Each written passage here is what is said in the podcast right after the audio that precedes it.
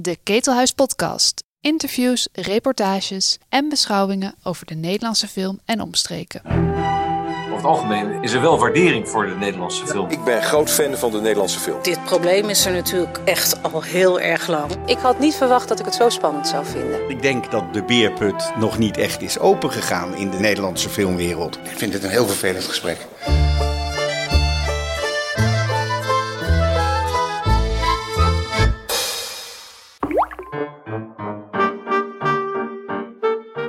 Maak je een internationaal publiek warm voor de Nederlandse film? Dat is de belangrijkste vraag waar Ido Abraham zich mee bezighoudt. De directeur van CNL probeert momenteel de Nederlandse film aan de man te brengen tijdens het belangrijkste filmfestival van de wereld, dat van Cannes. Dat doet hij vanuit een paviljoen aan het strand, een tentje dat half kantoor en half bar is. Ik pikte hem daar op om te flaneren langs alle andere landenstentjes voor een gesprek over zijn dagelijkse bezigheden. Borrelen, eindeloos praten en Indiërs verjagen. Dag Ido. Hallo daar. Is dat niet warm, zo'n zo'n koptelefoon? Ik heb het echt heel erg warm, ja. Ik vind het echt heel zielig voor je. Zullen we gewoon beginnen met een kopje koffie? Zal ik er voor je maken? Ja, heel graag. We hoeven nog niet te lopen namelijk. Dat is wel lekker.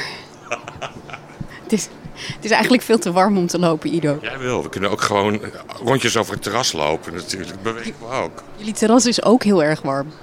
Valt mee. We zitten aan Majestic, aan het water. Dit is een, dit is een briesje. Oké, voor mensen die thuis eh, zitten en nog nooit in Cannes zijn geweest... eh, of nog nooit in het, in het Nederland paviljoen... ehm, kan, je, kan je deze plek omschrijven, Ido?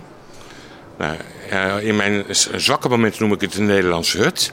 Maar officieel is het het CNL-paviljoen. Het wordt gehost door AI Filmmuseum en het Nederlands Fonds voor de Film.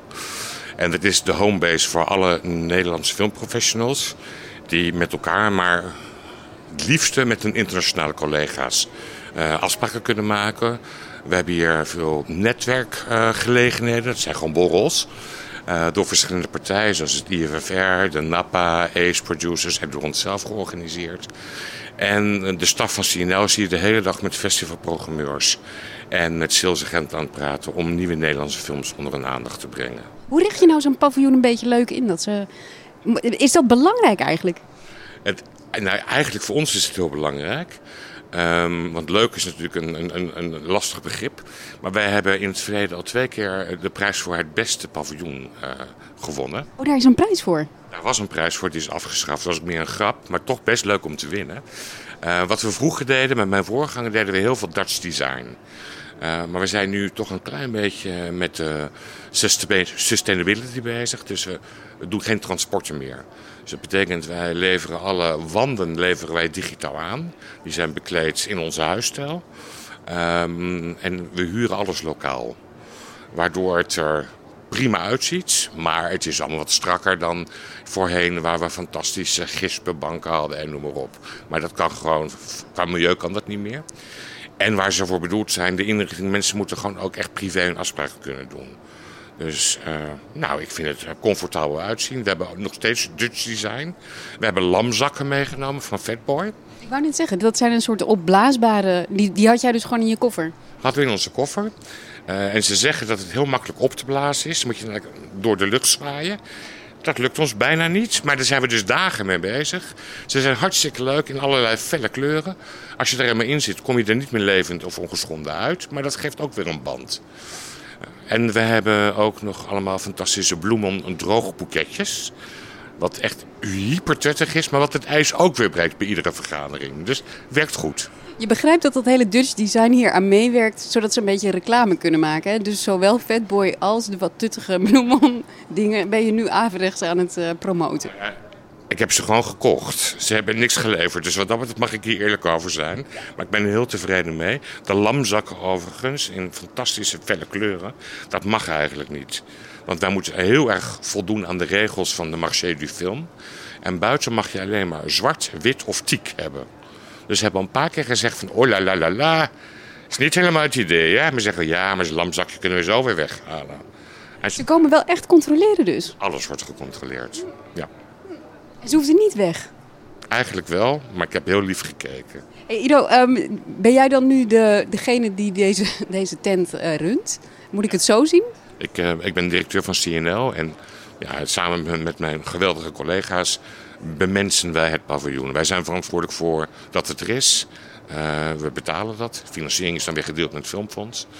En uh, wij zorgen dat dit van het begin tot eind bemenst is. CNL moet je ook even uitleggen. Wat is, hoe omschrijf je je functie dan? Uh, ja, ik, ik, moet lachen omdat ik ooit tegen jou ook gezegd heb... ik ben het kaasmeisje van de Nederlandse film. Maar CNL is verantwoordelijk voor de internationale promotie van de Nederlandse film en filmindustrie. Dus wij proberen zoveel mogelijk Nederlandse films op festivals te krijgen of bij salesagenten te krijgen in samenwerking met de producenten van de films en de makers. En wij promoten uh, waar het maar kan het talent uit Nederland en de films uit Nederland. Zijn ook verantwoordelijk voor de Oscar-inzendingen en zorgen samen met internationale publicists voor de campagne daarvoor. Dus ja, het kaasmeisje van de Nederlandse film. Zijn mensen nou dan in principe al meteen geïnteresseerd in Nederlandse films eigenlijk? Of is, dat een of is dat best lastig om dat aan de man te brengen? Het is op zich niet lastig om de man te brengen, want ze willen echt wel met je afspreken. De mensen die bij CNL werken, werken ook heel lang in de filmindustrie, dus die hebben ook een groot netwerk. Maar je moet ons wel zien als lobbyisten. Uh, en dat wordt zoals onderschat. Uh, ik kan niet, ik kan een hele catalogus doornemen en zeggen, nou dit is een meesterwerk, dat is een meesterwerk, deze is nog fantastischer. Dan wil niemand meer met me praten. Dus ik moet echt, of wij moeten echt weten, waar zijn die festivals naar op zoek? Wat past binnen hun programmering? En dan proberen ze de juiste films uh, aan te reiken, of daar in ieder geval de nadruk op te leggen. Geef eens een voorbeeld van zoiets. Laat ik het zo zeggen. Ik hou zelf best van de films van Johan Nijhuis. Romantische comedies. Uh, die het gelukkig hartstikke goed doen in de Nederlandse bioscoop. Maar je hebt internationaal heel veel romantische comedies. En ieder land heeft zijn eigen romantische comedies. Dus dat werkt niet. De Marokkaanse bruiloft die er nu aan gaat komen. Er zit een goede Nederlandse stilzegend achter. De verkoop gaat prima. Uh, ik zou dan bij een aantal festivals die dit misschien leuk zouden vinden onder de aandacht kunnen brengen. Zoals bijvoorbeeld uh, Marrakesh. Hebben we ook een afspraak mee, gaan we ook kijken. Uh, ander voorbeeld, uh, hij komt eraan, de nieuwe film van Sascha Polak. Fantastische film. Sascha heeft in het verleden in Sundance gezeten. maar ook in Berlijn. Dus dat zijn logisch, daar heeft zijn traditie. Daar praat je mee. Praat je al langer mee voordat de film überhaupt klaar is. Dat hij daar aan gaat komen. Je zet ze op de radar van mensen. Uh, maar bij Cannes gaan we natuurlijk ook zeggen van luister, de nieuwe Polak, wordt tijd dat hij in Cannes te zien is. Dat zijn wel films die qua signatuur of qua stijl of qua thematiek, die passen bij het festival. Dus daar kijk je naar. En die filmmaker zelf dan? Want ik kan me voorstellen dat Sascha Polak zelf ook zegt van ik ga liever naar Cannes hè, dan, dan toch naar Toronto. Iedereen wil naar Cannes. Laten we daar even heel duidelijk over zijn. Het grootste filmfestival van de wereld. Uh, misschien ook wel het belangrijkste, hoewel echt stevig op de hielen gezeten door Venetië. Maar het is niet voor iedere film het beste, festiv uh, beste festival. Dat is voor ons best moeilijk om makers uit te leggen. Uh, als je kijkt ook naar de programmering van Cannes. Alle grote namen zitten hier. Dus er is eigenlijk maar heel weinig ruimte voor onbekendere, doe tussen aanhalingstekens met mijn vingers, onbekendere namen of nieuw talent. Persoonlijk vind ik eigenlijk te weinig ruimte voor nieuw talent. Uh, zeker in deze tijd van diversiteit en inclusie zouden ze daar best wat aan mogen doen. Maar natuurlijk snap ik dat iemand als Sascha naar kan wil. Daar gaan we ook ons best voor doen. Maar ik zou je eerlijk zeggen, we hebben prachtige mails gestuurd naar alle secties, et cetera. En Sascha heeft ook een salesagent, die doet precies hetzelfde. Dus we volgen elkaar op. En ik kreeg per omgaande, ik had het naar de hoofdprogrammeur van Cannes een mail gestuurd. En ik kreeg per omgaande een hartstikke lieve mail terug. Ik kom graag met je borrelen in Cannes. Maar ik kijk zelf naar de films. Ik heb jou hier niet bij nodig. nou, dan ken je ook weer je plek. Dus het, uh, maar uh, ja, dus, dat, is, dat is best ingewikkeld. En sommige mensen die luisteren echt heel goed. En uiteindelijk kwaliteit. Als het passend is binnen de signatuur van het festival, dan heb je hem zo binnen. Iedereen wil naar Cannes natuurlijk, maar je ziet ook dat Nederlandse filmmakers soms echt een heel rondje maken hè, langs festivals. Langs het ene kleine festival na het andere. Wat voor zin heeft dat eigenlijk? Uh, kijk, waar wij, wij eigenlijk naar op zoeken met CNL is wat is de beste internationale launching path voor de film. Want als een film ergens op een goed festival is gelanceerd, dan daar zitten ook weer festivalprogrammeurs, et cetera. Dus dan wordt hij vaak uitgenodigd door andere festivals. Festivals kijken heel erg naar elkaar. Dus het is belangrijk om te kijken dat je niet op een te klein festival begint, waardoor al die andere grotere festivals automatisch afvallen. Want ze willen ook bijna allemaal wereldpremières. Dus dat is een keuze. En dan kom je automatisch in een soort cirkel van nou, Cannes, Berlijn, Toronto, Venetië, Locarno, Sundance. Uh, maar er zijn nog veel meer goede festivals. San Sebastian, Carlo Vivari, uh, Busan. Dus wij proberen juist die route uh, een beetje in kaart te brengen, samen met de makers. En als ze een salesagent hebben, met de salesagent. Uh, om te zorgen dat die film zoveel mogelijk en zo vaak mogelijk te zien kan zijn. Ja, ik ben bijvoorbeeld zelf met jullie dan mee geweest naar, naar IJsland voor de Volkskrant. Um, dat is nou een festival waarvan ik zou zeggen. Um, wat, wat moet je daar als Nederlandse maker nou met je film? Ik bedoel, het is een leuke uitstap, hè? Um, maar heeft dat, heeft dat verder zakelijk gezien nog zin? Zeker. Uh, dat is een ander kaliber festival. Daar was geen één film die daar aan première ging. Het waren allemaal oudere Nederlandse films die dus al hun ronde gemaakt hadden. Of een groot een onderdeel van de rondes gemaakt hadden. Daar gingen we heen met een delegatie van Nederlandse producenten en makers. Die allemaal iets met IJsland wilden. Dus of co-produceren of daar draaien, een film draaien. En dat heeft dan een andere reden om te gaan. Dus dat is niet zozeer voor een première, een, een, een lancering van een film. En het was echt het allerleukste school, filmschoolreisje sinds de laatste jaren. Ik heb nou net geschreven dat het geen schoolreisje was, Ido. Ik, ik, ik, wist dat je dat geschreven had, dus daarom noemde ik het even zo. Nee, dat, dat lijkt zo. En laten we even heel duidelijk zijn. En we doen dit, want wij worden gefinancierd door het ministerie van Cultuur. Um, het is belastinggeld, dus iedere cent moet echt goed besteed worden. En het wordt vaak gezien, ook hierin kan, dat je op een betaalde vakantie bent. Mijn vakanties zien er heel anders uit en zijn dus een stuk minder vermoeiend. Um, we spenderen het geld en daar, daar volledig transparant over.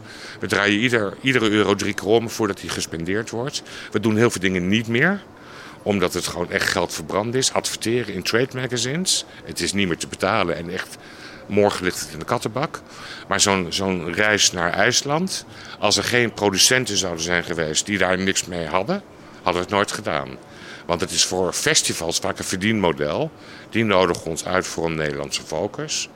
Uh, en dan moet je daar gewoon flink voor betalen. Maar het moet iets voor de industrie opleveren, anders doen we het niet. Je moet betalen om op een festival, dus als Nederland betaal je om in Nederland in focus te worden op een buitenlands festival? In, in heel veel gevallen wel, ja. Dat doen we ook vaak met de Nederlandse consulaten en ambassades.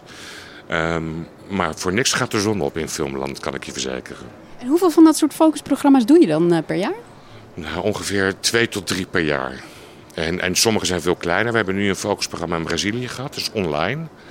Uh, eind van het jaar hebben we een Vrouwenfilmfestival in Spanje. Uh, we hebben begin van dit jaar FIPA-doc gedaan voor de documentaire. Dus zo proberen we ook te variëren dat we alle verschillende genres, nou ja, ook weer zo divers mogelijk de Nederlandse cinema onder de aandacht brengen.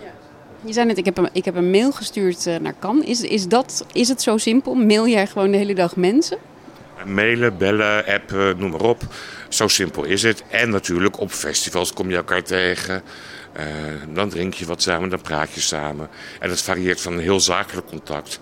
Maar omdat je mensen, als je ze langer kent, ja, dan ontstaat er ook bij sommigen een soort vriendschap. Maakt het heus niet veel makkelijker om die films naar binnen te krijgen. Want mensen zijn nog steeds met hun werk bezig. Maar daarom netwerken. We zijn de hele dag aan het netwerken. Zullen we een klein uh, ommetje gaan lopen? Dan kunnen we even langs de paviljoentjes. Ja, Ido. Dus over onze buren vertellen.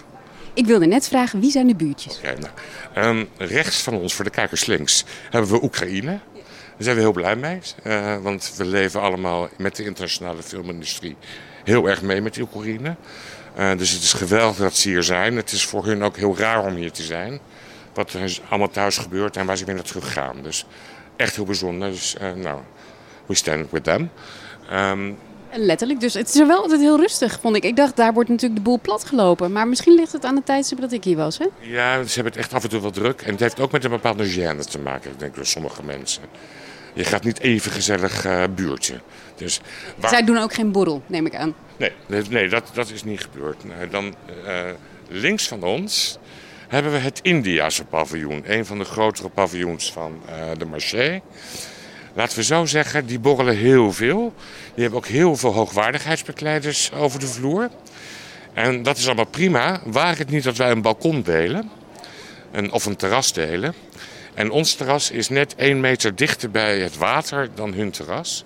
Nou, die van, die van ons, om, om maar even zo te zeggen, die van Nederland ligt aan het water ongeveer. En die van hen ligt iets meer tegen de huisjes aan. Nou ja, ik vind, dat zou je zo kunnen zeggen, maar dat valt echt mee. Want als je op hun terras staat, zie je nog steeds de zee. Maar wij zijn eigenlijk de hele dag bezig om al de Indiaanse gasten van ons terras af te jagen. Zodat onze eigen gasten hier gewoon kunnen zitten en werk kunnen doen. Wat uiteindelijk in een enorme ruzie heeft geresulteerd. Omdat ze ons glaswerk stilden. Ze kwamen bij ons aan de bar dingen halen. Ze liepen zelf naar binnen om koffie te pakken. Terwijl ze dat allemaal zelf hebben. En toen waren we er klaar mee. Toen hebben we de marché gebeld van jongens, dit kost zoveel tijd en energie. En bovendien, het kost ook heel veel geld. Het is klaar, regel het maar. Oh, en, en toen kwamen ze toen? Toen kwamen ze, toen is de extra bewaking gekomen. Dat hielp helemaal niks. Um, maar in ieder geval, we hadden hier nog twee grote evenementen. En die zijn niet helemaal over, overronnen, hoe zeg je het, over, over, overgenomen door de Indiërs. En ook zeker niet door de Indiaanse muziek. Wat ik best lekker vind. Maar het heeft een beetje weinig te maken met de Nederlandse activiteiten die we houden hier. Ja, en het is dag acht, dus je zit al acht dagen in de, in de Indiaanse muziek. Exact. En die lamzakken waar ik het net over had, daar kan je mensen ook mee slaan. We waren wel bijna zover gekomen, maar we houden het vreedzaam. Ik zie nu wel weer een Indiër die heel... Ja hoor. Ja, maar daar gaan ze weer. Ja, nee, het, het, het is een soort zwemmersexeem. Het blijft maar terugkomen, echt.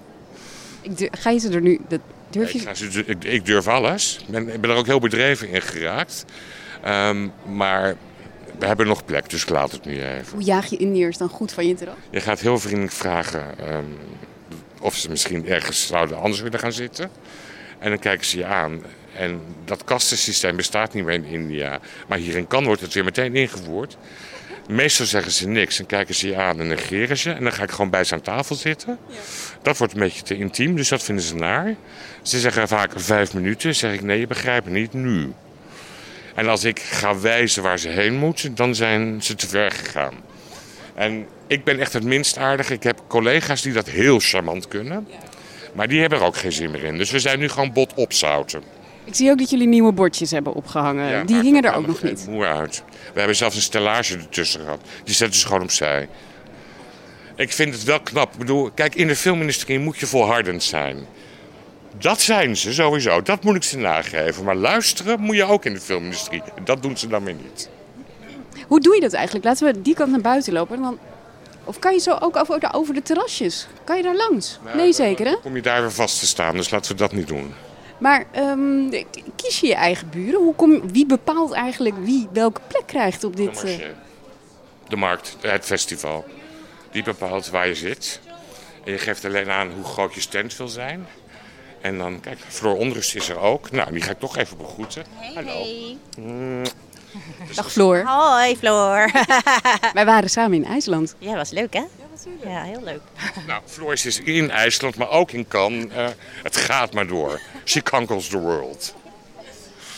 Maar goed, maar... dus de marché bepaalt in principe naar aanleiding van uh, jouw vraag...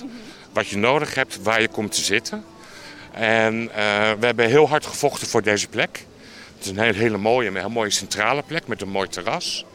Betaal je ook flink voor. Uh, en in principe mag je die dan blijven houden, zolang je het kan blijven betalen. Ik zag dat de Belgen die zitten in het palais. Ja. Of is dit een zeerpunt? Nee, dat is zeker geen zeerpunt. Want ik zou voor geen goud in het palais willen zitten. Het is de ergste sick building ever. Nou hebben de Belgen een fantastische plek, want meteen bij een centrale ingang.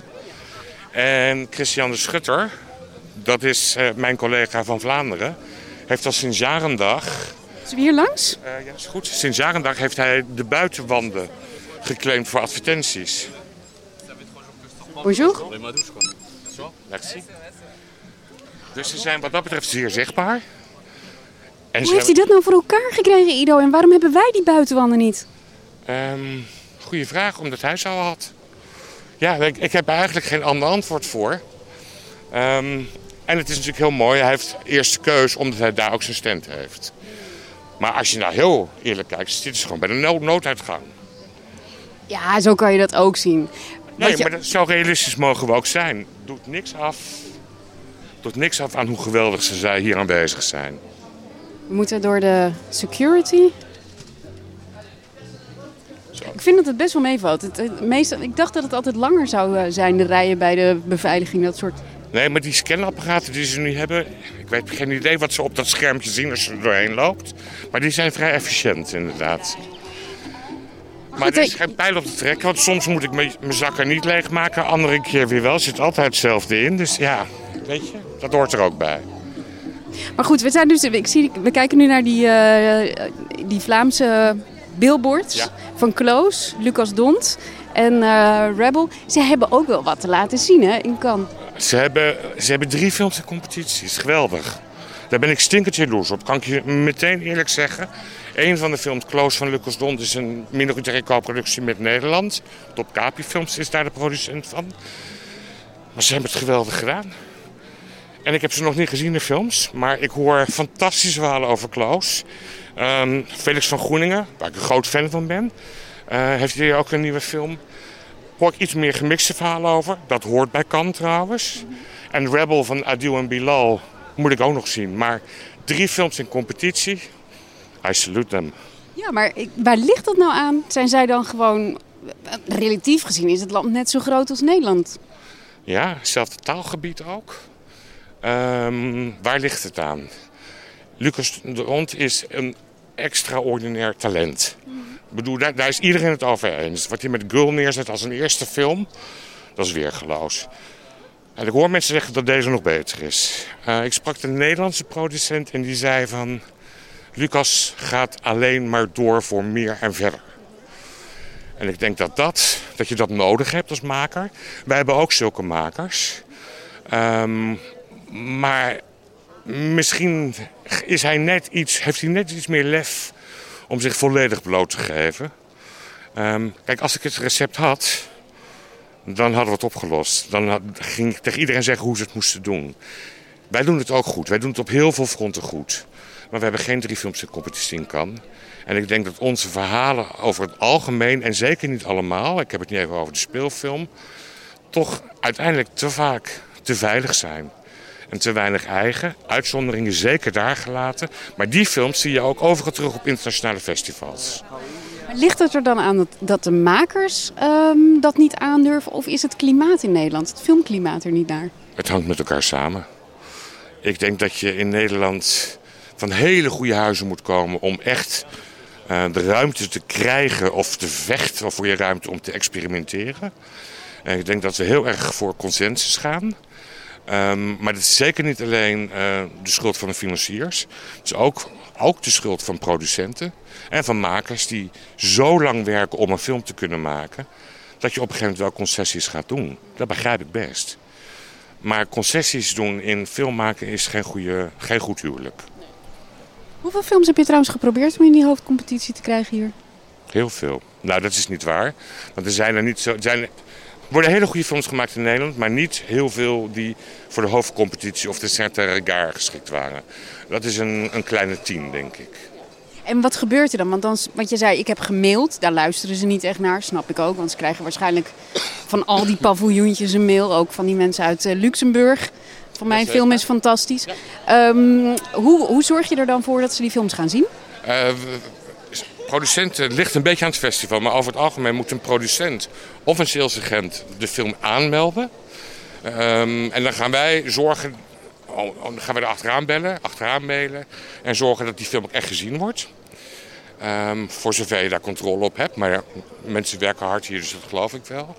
En eigenlijk is het dan een samenspel dat als de salesagent weer een duwtje gegeven heeft, dat zij ons een seintje geven, dat wij een paar dagen later aan de andere kant ook weer een zetje geven.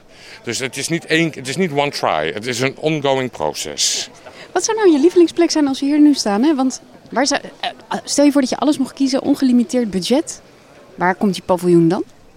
Ik ben echt oprecht heel blij met onze plek. We zaten vorig jaar, eh, dat was het eerste marketing na COVID. Eh, of tijdens COVID, gewoon moest iedere dag hier getest worden. Toen zaten we een stukje meer hier tegenover het Palais. En dat bleek, toen waren er ook veel en veel minder mensen, maar net geen goede loop te zijn. Waar wij nu zitten, dat is een hele goede loop. Want dat is precies de plek waar mensen langskomen. Als ze op weg gaan naar de Croisette, dus de boulevard. Waar ook weer heel veel kantoren van salesagenten zitten. Dus daar ben ik heel tevreden mee. Het paleis zelf, ik zou er niet willen zitten. Het is heel druk met heel veel standjes. Het is echt een gekke huis daar. Ja, en het is geen daglicht. Het is dus toch een sick building avant la lettre. Maar als we nou even twee stappen doorlopen. Als ik dan in het paleis zou moeten zitten. Hè, stel dat. Stel- mes ja. op de keel. Dan zou ik hier wel willen zitten. Ook weer met een terras erbij. Oh, Eh, hier zit Unifrans. Ehm dus daar kom je ook niet binnen, want daar zit Unifrans. Dus de, gro- de grote landen krijgen de beste paviljoen. Zo is het ook. Nee, maar die betalen het meeste. Net met het Songfestival, weet je, die, die top 5 die altijd mag terugkeren. Maar die betalen wel de meeste contributie. Kan is gewoon de marché, het heet ook de marché du film. Het is gewoon één grote commerciële markt. Voor handel. Wanneer, wanneer was je hier eigenlijk voor het eerst, Ido? 27 jaar geleden. Echt? En dan, dan toch nog zo Kan niet, je bent maar 30. Dankjewel, schat. Echt, wat vind ik jou toch een waanzinnig goede journalist. Eh, maar het was echt waar. 27 jaar geleden, eh, eigenlijk 28 jaar geleden om nog erger te maken. Maar ik ben 27 keer in Cannes geweest. Wat kwam je doen? Eh, het eerste jaar werkte ik bij Cinemien. En toen mocht ik mee met de grote bazen. En dan mocht ik de boodschappen doen en filmpjes kijken in de markt. Wat geweldig was. En ik weet nog dat ik toen mijn eerste feestje in een villa had. Bij een zwembad. Dat vond ik zo waanzinnig. Eh, nu ga ik nooit meer naar feestjes in villa's, want je komt niet meer terug. Hoe bedoel je, je komt niet meer terug? Ja, dan zit je ergens helemaal in de heuvels en dan wil iedereen tegelijk naar huis. En er zijn er veel te weinig taxis, dus er is altijd ruzie. Eh, maar dat vond ik toen echt fantastisch. Ehm, en dat, wat ik altijd van... eh, ik moet even iemand begroeten, zo trouwens. Ik, Doe maar even. very important in Good to see you. Good to see Very you. good, very Great. good. I'm running the Dutch pavilion, CNL, number 110. Oh, just down here? Uh, yes, oh, then, just then, around then, the corner. Then, then, okay, then we'll pop in. Please. Yeah, we'll pop. Wie was dat? Eh, Jackie Motsepe, dat is de filmcommissioner van Zuid-Afrika. En zij was vroeger eh, de baas van het eh, Nationale Filmfonds van Zuid-Afrika. Zeg maar de Bero Beijer van Zuid-Afrika. Maar, die, maar iedereen hopt dus een beetje van film, eh, van filmfunctie naar Ik filmfunctie. zei net dat ik al hier voor- al voor de 27e keer ben. Ik ken haar ook al 300 jaar. Dus zij was redelijk honkvast, moet ik zeggen. Maar ik heb ook wel eens een andere baan gekregen. Dus, eh, Ja, nou ja, dat, dat vroeg ik me dus af. Want je bent, waarom ben je eigenlijk überhaupt die hele filmwereld ingerold? Ik ging film- en televisiewetenschap studeren. Het heette toen nog theaterwetenschap. En toen dacht ik, ja, theater is het allermooiste wat er is. En toen zag ik op een avond in het hoofd Les Noces Barbares eh, van Marion Hensel. En die film heeft echt... Ik weet niet op welke knoppen die gedrukt heeft, maar toen dacht ik, maar film is veel mooier dan theater. En toen dacht ik, ik ga me helemaal richten op film. Ik vond het helemaal geweldig. En Wat zat er in die film dan? Probeer toch even. Wat, voor- ik ken de film niet, dus vertel me even. Ik heb hem nooit meer durven zien. Omdat hij zoveel met me gedaan heeft. Ehm, ik ben wel heel goed bevriend geraakt met Marion Hensel. En wat ik heel eng vond toen ik haar voor de eerste keer tegenkwam. Maar wat zij kan is hele kleine onderwerpen.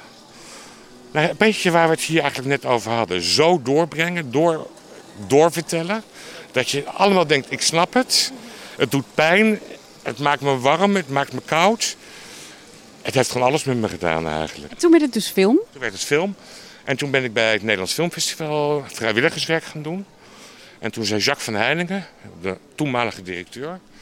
aan het einde van het festival moet jij niet hier de pers gaan doen. Jacques is een geslepen meneer, want die dacht hij gaat hier stage lopen, dat kost het me niks. Hij was een beetje voorbij gegaan aan een 18-jarige Ido die vrij ambitieus was en het zo leuk vond. Zei, dat is een heel goed idee. Toen heeft hij nog een beetje geprobeerd me toch op andere gedachten te brengen. Maar hij heeft me wel die kans gegeven, daar ben ik hem echt eeuwig dankbaar voor. En toen ben ik tijdens mijn studie dus al bij Utrecht gaan werken. Ehm, en zo gewoon doorgerold. En, en eh, ik ben na Utrecht, ik heb nog heel even, heel kort voor televisie gewerkt. Was geen gelukkig huwelijk. Was de televisieshow van Ischa Meijer, de dagelijkse talkshow. Ischa is fantastisch, moet je niet meer werken alleen. Tenminste, ik niet. En toen naar Cinemien gegaan. Eh, de distributeur die destijds alleen nog maar vrouwenfilms deed. En ik was de eerste man die naar binnen kwam. En eh, toen jarenlang voor Rotterdam. Eh, en toen Binger Filmlab. En nu alweer heel erg lang AI Filmmuseum en slash CNL. Maar film is het aller, allermooiste wat er is. Ik hou ongelooflijk van film. En ook eigenlijk hou ik van alle films. Dus dat, dat alle soorten films. Ja, want ik vroeg me af, hoe verkoop je een Nederlandse film die je zelf gewoon niet zo goed vindt? Dan ga je gewoon kijken wat zijn de, de kwaliteit die je in die film kan zien. Tuurlijk, als je een film heel erg mooi vindt zelf, dan praat het veel makkelijker. Maar uh, ik ben ook wel, en dat klinkt heel politiek correct, maar ik heb wel mateloos respect voor mensen die films maken. Ik kan dat niet, namelijk, kan het echt niet. En er zit wel veel tijd en, en energie en moeite in. Uh, dat zie je misschien niet altijd terug, maar dat weet je wel. Dus dan, en wat ik al zei, het gaat niet altijd over dat de film fantastisch moet zijn. Het kan ook zijn dat het verhaal of het onderwerp belangrijk is, wat bij een bepaald festival past. Dus wij zijn altijd op zoek, Floortje Smit, naar de haakjes. Dat is een verschrikkelijke term, maar het is gewoon wel wat het is. Laat onverlet, als ik een film echt helemaal subliem vind, uh, dan praat het altijd makkelijker. Wij hebben elkaar volgens mij, of tenminste, ik heb jou voor het eerst gezien toen je bij Binger zat, bij Binger Filmlab, bij een soort bijeenkomst. Je probeerde een hele zaal mee te krijgen. Lukte half, denk ik. Um, maar ik dacht wel, deze man is hier wel voor gemaakt. Voor, met groepen en je hebt een soort vriendelijke, natuurlijke uitstraling, denk ik. Ha. Ja, dat zijn jouw woorden hoor. Ik weet nog precies welke bijeenkomst dat was. Toen ging ik onze nieuwe naam erin gooien. Want wij heten toen vroeger, toen ik daar begon, heten we nog Maurits Binger Filminstituut Filmwerkplaats. Nou, dat is weinig sexy. Uh, en toen hebben we dat omgedoopt in Binger Filmlab. En dat ging ik oefenen met mensen. Dat moet je niet doen, Ido. Dat weet ik nu. It's a lab, moesten we allemaal roepen. It's a lab. Ja, nou, Binger Filmlab, it's a lab. Het werkt wel. Uh, weet het nog steeds, Ido. Ja, dat is echt heel... ik schaam me dood. Ik heb wel meer dingen in mijn carrière meegemaakt... dat ik op dat moment dacht, misschien een goed idee. En dat mensen daar nog steeds op terugkomen. Dus, moi. Maar... Um, wat dan? Andere dingen. Hou je er buiten, kok. Um, maar wat ik het aller, allermooiste vind, is... Ik zei net al, ik maak geen films. Kan ik ook echt niet. Daar heb ik geen talent voor. Ik vind het wel heel erg geweldig om met filmmakers te werken. En filmmakers in de breedste zin van, van het woord. Dus een regisseur, scenarist, uh, cameramensen, noem maar op. En als ik kan bijdragen aan hun succes, vind ik dat ongelooflijk lekker. Vind ik echt heel fijn.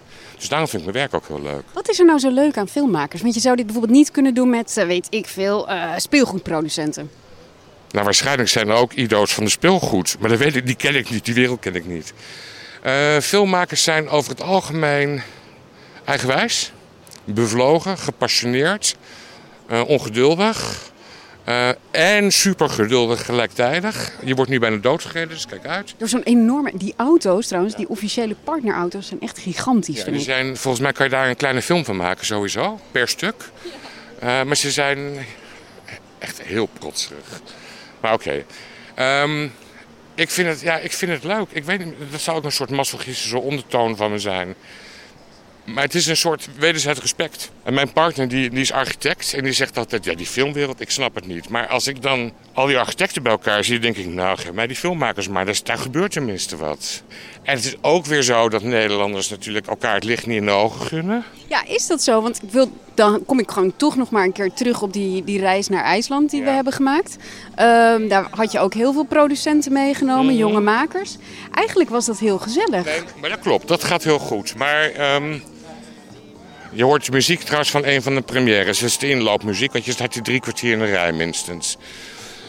Um, er is ook heel veel collegialiteit onderling, zeker in de jongere generatie. Um, maar uiteindelijk vechten we wel allemaal voor dezelfde pot met geld. En um, nou, laat ik een goed voorbeeld noemen. we hebben het net over Vlaanderen gehad. Nogmaals, niks afdoen aan hun succes hier. Geweldig. De meest gestelde vraag die ik krijg van iedereen ja, waarom wij niet? En het is een legitieme vraag, maar ik stel de vraag altijd meteen terug. Waarom denk je zelf wij niet? En um, dan zeg ik tegelijkertijd ook, maar jongens, kijk even naar uh, onze documentaires. Deze van documentaires gaan echt sky high internationaal. Toonaangevende festivals, de grote festivals. Daar zitten vijf tot negen films in één jaar. Dat is dus meer dan drie films hier in de competitie. Korte films doen het heel erg goed. Animatie gaat echt heel erg goed. Ehm, maar dat lijkt dan allemaal niet belangrijk. Dus ik probeer natuurlijk steeds weer dat totale veld aan te geven. En dan doen wij het als Nederland helemaal niet slecht internationaal. Als je kijkt naar competitiesecties van de grote festivals, dan moeten we meer aan de bak. Dat is gewoon een feit. Kom, we gaan weer een beetje weglopen uit deze muziek. Heb je trouwens een rode loper gedaan uh, dit jaar eigenlijk? Nee. Ik zou je mijn trauma vertellen, mijn eerste kan. Bij Cinemien, vertelde ik al, werkte ik daar. Toen had ik van mijn ouders geld geleend om een smoking te kopen. Want dat uh, had ik niet en dat moet je wel hier. Als je, moet in, in gala kleding over de rode loper. Toen had ik, vond ik zelf echt een heel mooi pak gekocht.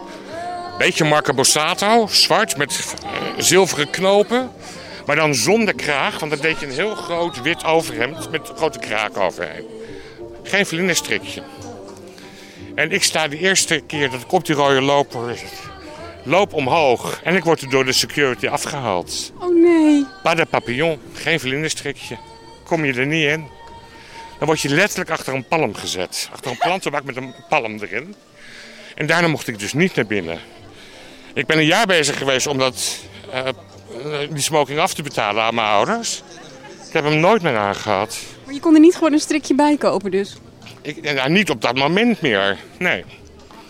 Heel oneerlijk, echt heel oneerlijk. Het is wel minder geworden, vind ik trouwens hier. Dat, uh, dat protserige en uh, een jurk bijvoorbeeld hoeft ook niet meer. Hakken hoeft niet meer. Nee, hakken, hakken hoeft niet meer. Dat was vorig jaar een behoorlijke rel over. Uh, vrouwen moesten inderdaad met een cocktailjurk of gala-jurk en op hoge hakken. Dat is niet meer helemaal van deze tijd, gelukkig. Maar ik denk niet, ik kom met mijn chique grimpen binnen, want je komt er echt niet in. Behalve als je een leerstudio bent. Dan kan je een vuilnisstak aantrekken en dan kom je gewoon wel binnen natuurlijk.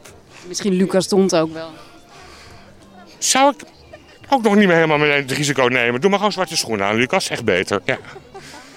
Hoe zorg je ervoor dat je goed smeerbendel bent tussen al die mensen? Uh, nationaal, internationaal. Um, nou, we geven cocktails. Mm -hmm. Uh, we hebben hier afgelopen donderdag een, een, een Oh nee, dat moet je een chic zeggen. Dat heette dan netwerkmomenten.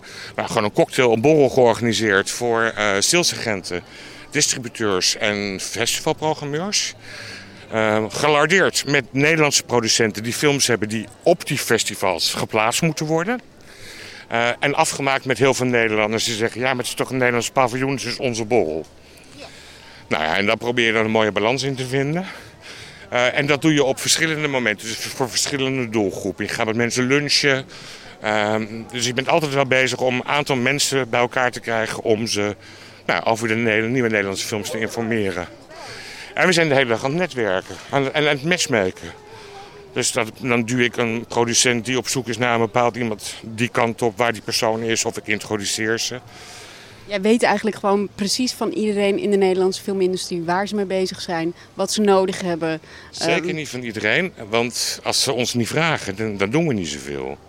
Maar als we van tevoren ook met die Nederlandse producenten gezeten hebben, we zijn hier en hier naar op zoek, of met elkaar bedacht hebben wat de beste strategie is, dan gaan we volledig voor ze aan de gang.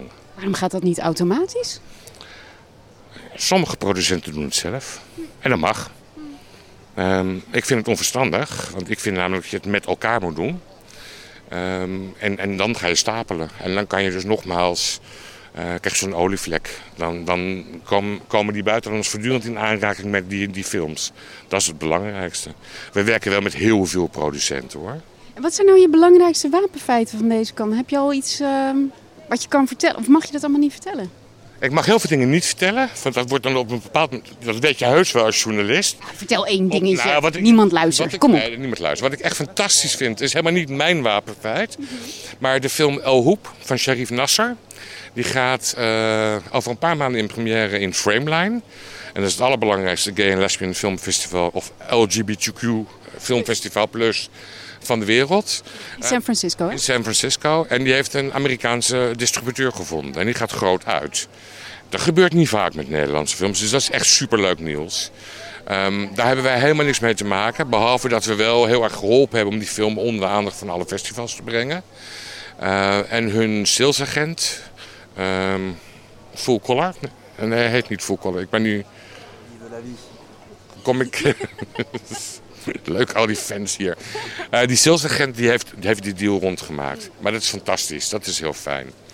Ehm, en ik denk dat kan geslaagd is als, en dat zou je niet aan mij moeten vragen, maar aan de producenten hier bijvoorbeeld, als ze goede meetings hebben kunnen hebben. En ehm, eh, de makers die hier een film hier hebben, goede screenings hebben gehad, die goed ontvangen is.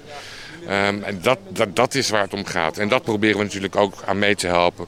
We geven kleine promotionele eh, bijdragen dat ze een feestje kunnen geven. We leggen ze flink in de watten. We zijn best aardig. Je gaat pas oogsten in de loop van het jaar. Laat ik het zo zeggen. Dus je bent hier aan het. En dat ben je eigenlijk het hele jaar aan het doen. Je bent voortdurend aan het zaaien. En waar je kan oogsten, ga je oogsten. Dus hier zitten we ons nu al te richten bijvoorbeeld op Locarno. Eh, gesprek met de directeur van Locarno. Ehm, maar ook, nou, kom ik weer met mijn leuke focussen. Eh, in 2024 is Nederland gastland op de boegmessen in Leipzig. Ik heb morgen een gesprek met de directeur van DOC Leipzig. Om te kijken of je daar iets met Nederlandse focus kan doen. Dus het gaat wel alle kanten op, maar dat maakt het juist zo leuk. Wat vind je nou zelf? Want je doet dit sinds 2019, hè? Ja, ik, eh, ik heb één festival gedaan voordat de wereld op slot ging. Hoe was, hoe was dat eigenlijk? Die, die, want dan ben je dus inderdaad, je, je gaat internationaal films verkopen, maar één, ja, internationaal bestaat niet echt meer en films verkopen ook niet. Nou ja, we zijn non-stop doorgegaan, maar alles gaat online. En dat is niet leuk. Dat is gewoon niet leuk. Voor sommige dingen werkt het.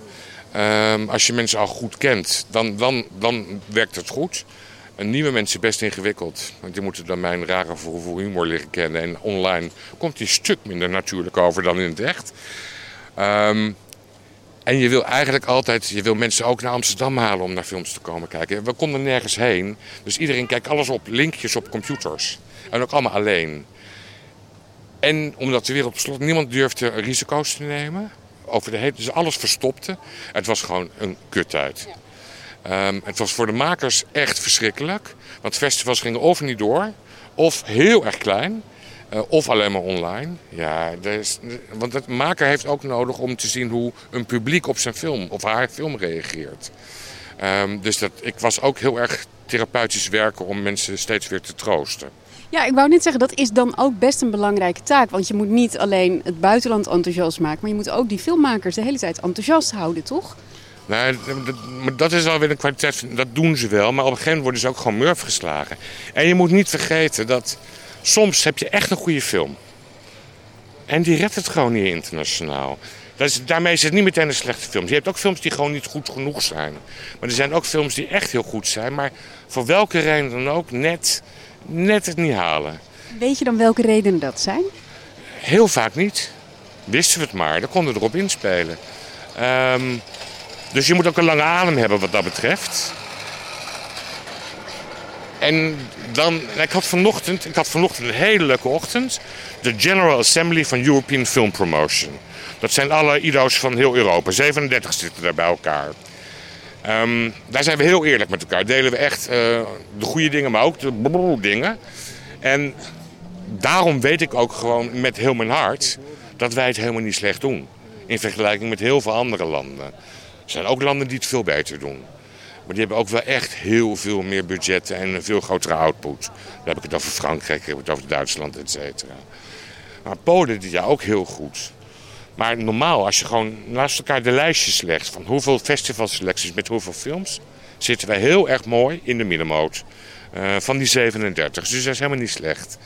Um, maar die hebben ook allemaal zoiets van ja, en, uh, het mag weer. Dus iedereen staat hier ook heel erg zijn best te doen. Maar het, de, de, industrie is nog niet uh, hersteld. Dat gaat gewoon nog lang duren. Wat doe je nou trouwens? Want je, dan, zo'n borrel is natuurlijk ja, eigenlijk gewoon verschrikkelijk. Een borrel, een, een netwerkborrel. Ja, ja. Mijn bijnaam was vroeger in Rotterdam Hi Bye. Hi Bye.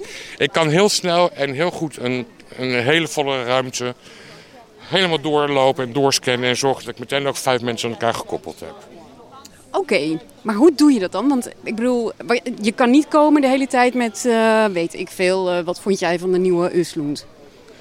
Nee, maar kijk, ik, ik, dat is heel, wat het makkelijk maakt, is dat je mensen uitnodigt voor je eigen dingen. Dus A, weet je wie er komen.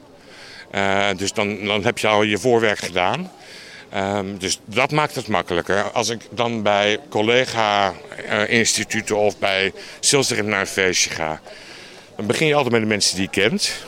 Even lekker, is makkelijk, is ook gezellig. Je moet af en toe ook even ontspannen. Um, en dan merk je dat het een soort olievlek is, want die stellen je weer voor aan iemand, et cetera. En dan in 9 van de 10 keren ben je zo dus weer, ben ik weer een Nederlandse film aan het pitchen. Maar dat doe je via via. Je begint natuurlijk niet meteen met je Nederlandse film. Dat ligt er een beetje aan. Uh, een goede vriend van mij, die is acquisitie, hoofdacquisitie bij een hele grote salesagent. En die, heb ik, uh, die zag ik, zeg, wij gaan zitten vriend, want dit kan natuurlijk niet. Mijn reputatie te grabbel gooien door geen Nederlandse films te nemen. Dat soort dingen. Andere vriend is directeur van Sarajevo geworden. En daarvan, ik zei, toen ik hem feliciteerde per mail, zei ik, ik voel zo van Nederlandse focus opkomen. Dus ja, zo ben je natuurlijk ook bezig. Maar het netwerken, uh, waar je zin in moet hebben, dat, dat is het allerbelangrijkste. Want dan gebeurt er het meeste. We zitten nu op dag 8. Jij moet nog, het is nu dinsdag. Jij blijft tot zaterdag. Ik had gisteren een beetje een moment dat ik dacht, nou heb ik mezelf ook echt wel genoeg gehoord. Nu, ik ben mijn eigen stem een beetje zat, ik ben die borrels zat. Uh, hoe doe jij dit? Nou, extra paracetamolletje en door. Maar ik herken het volledig. Het is, en daarom zeg ik ook echt voor iedereen die denkt lekker vakantie. Ik kom dan ook altijd bruin terug, want het is mooi weer hier. Dus dan geloven ze je helemaal niet meer. Het is echt hard werken. En het is hartstikke leuk werk. Maar je bent voortdurend onder de mensen. Um, ik kan me niet veroorloven, behalve bij de Indiërs, als ik ze van mijn terras schop, uh, om onaardig te zijn. Um, maar dat is af en toe best ingewikkeld. Uh, het is gewoon vermoeiend. Maar ja, liever dit dan twaalf dagen achter elkaar toch alleen maar achter mijn laptop in mijn eentje zitten. Maar je gaat niet bijvoorbeeld, weet ik veel, sommige mensen gaan uh, hardlopen om 7 uur s ochtends. Uh, en dan hoef je niet uh, je praatjes te houden. Ik ben heel blij dat het een podcast is. Want dan zou je ook begrijpen dat het hardlopen om 7 uur s ochtends, dat overleef ik niet. Um, nee, ik, het enige wat ik in kan eisen is dat ik een slaapkamertje heb voor mezelf. Um, en, en kan is allemaal echt behoorlijk pittig qua prijs, dus heel veel mensen delen. Dat zou ik niet aankunnen. Dus dat zijn de momenten dat ik echt op mezelf ben. Dan voordat je gaat slapen, lees je nog een boek of zo? Of? Uh, ja, echt, letterlijk. Even iets wat niks met film te maken heeft. En, um, of ik kijk naar een heel uh, slechte serie op Netflix of zo, om heel even juist met andere dingen bezig te zijn. Maar dat hou ik gemiddeld drie minuten vol en daarna stort ik gewoon in een soort comateuze slaap. Maar ja, we zijn s ochtends om negen uur zijn we weer hier. En uh, het zijn korte nachten in kan. Korte nachten. En korte nachten met ook trouwens wel heel veel, um, toch professioneel, bijna wel noodzakelijke alcohol ook. Er wordt wel eens een enkel glaasje rosé gedronken, ja. Best veel. Ja. Na kan ga ik ook echt, en dat meen ik serieus, en dat is geen vage belofte. Tot grote woede van mijn partner, die dat dan heel ongezellig vindt, ga ik gewoon twee weken geen druppel alcohol drinken. Je gaat nu, even kijken, ik ga je weer naar je volgende afspraak uh, laten. Dat is goed, ik ga nu met het Torino Film Festival praten. Kijken of we daar mooie films, mooie Nederlandse films uh, kunnen plaatsen. Kan je zeggen welke geheime missie je hebt? Nee. Ido. Nee, maar dat, dat, dat, ga je toch niet doen? Dat, dat, maar wat je wel kan doen, Floortje Smit. Wij hebben namelijk een hele, dat even nog dan de promotie, is voor iedereen ook toegankelijk. cnl.com. C-S-E-E-nl.com is het promotieplatform, internationale promotieplatform voor de Nederlandse film. Daar staan onze catalogi op met alle films van het jaar. Korte film, documentaire, speelfilm, jeugdfilm. Uh, alle laatste nieuwtjes, uh, welke selecties er zijn, welke prijzen er zijn. Ga daar maar lekker kijken. Ik zie ook welke films ik misschien wel aan ga bevelen. Een beter voorbeeld van hoe jij in één keer het gesprek kan draaien richting promotie is bijna niet mogelijk. Mijn dank is groot. CNL.com Tot zover deze Ketelhuis podcast. Je vindt de Ketelhuis podcast in je favoriete podcast app en natuurlijk op onze website ketelhuis.nl/podcast. Abonneer je vooral zodat je geen enkele aflevering mist en leuk als je een reactie achterlaat. Hou ons in de gaten, we zijn snel weer terug met een nieuwe podcast.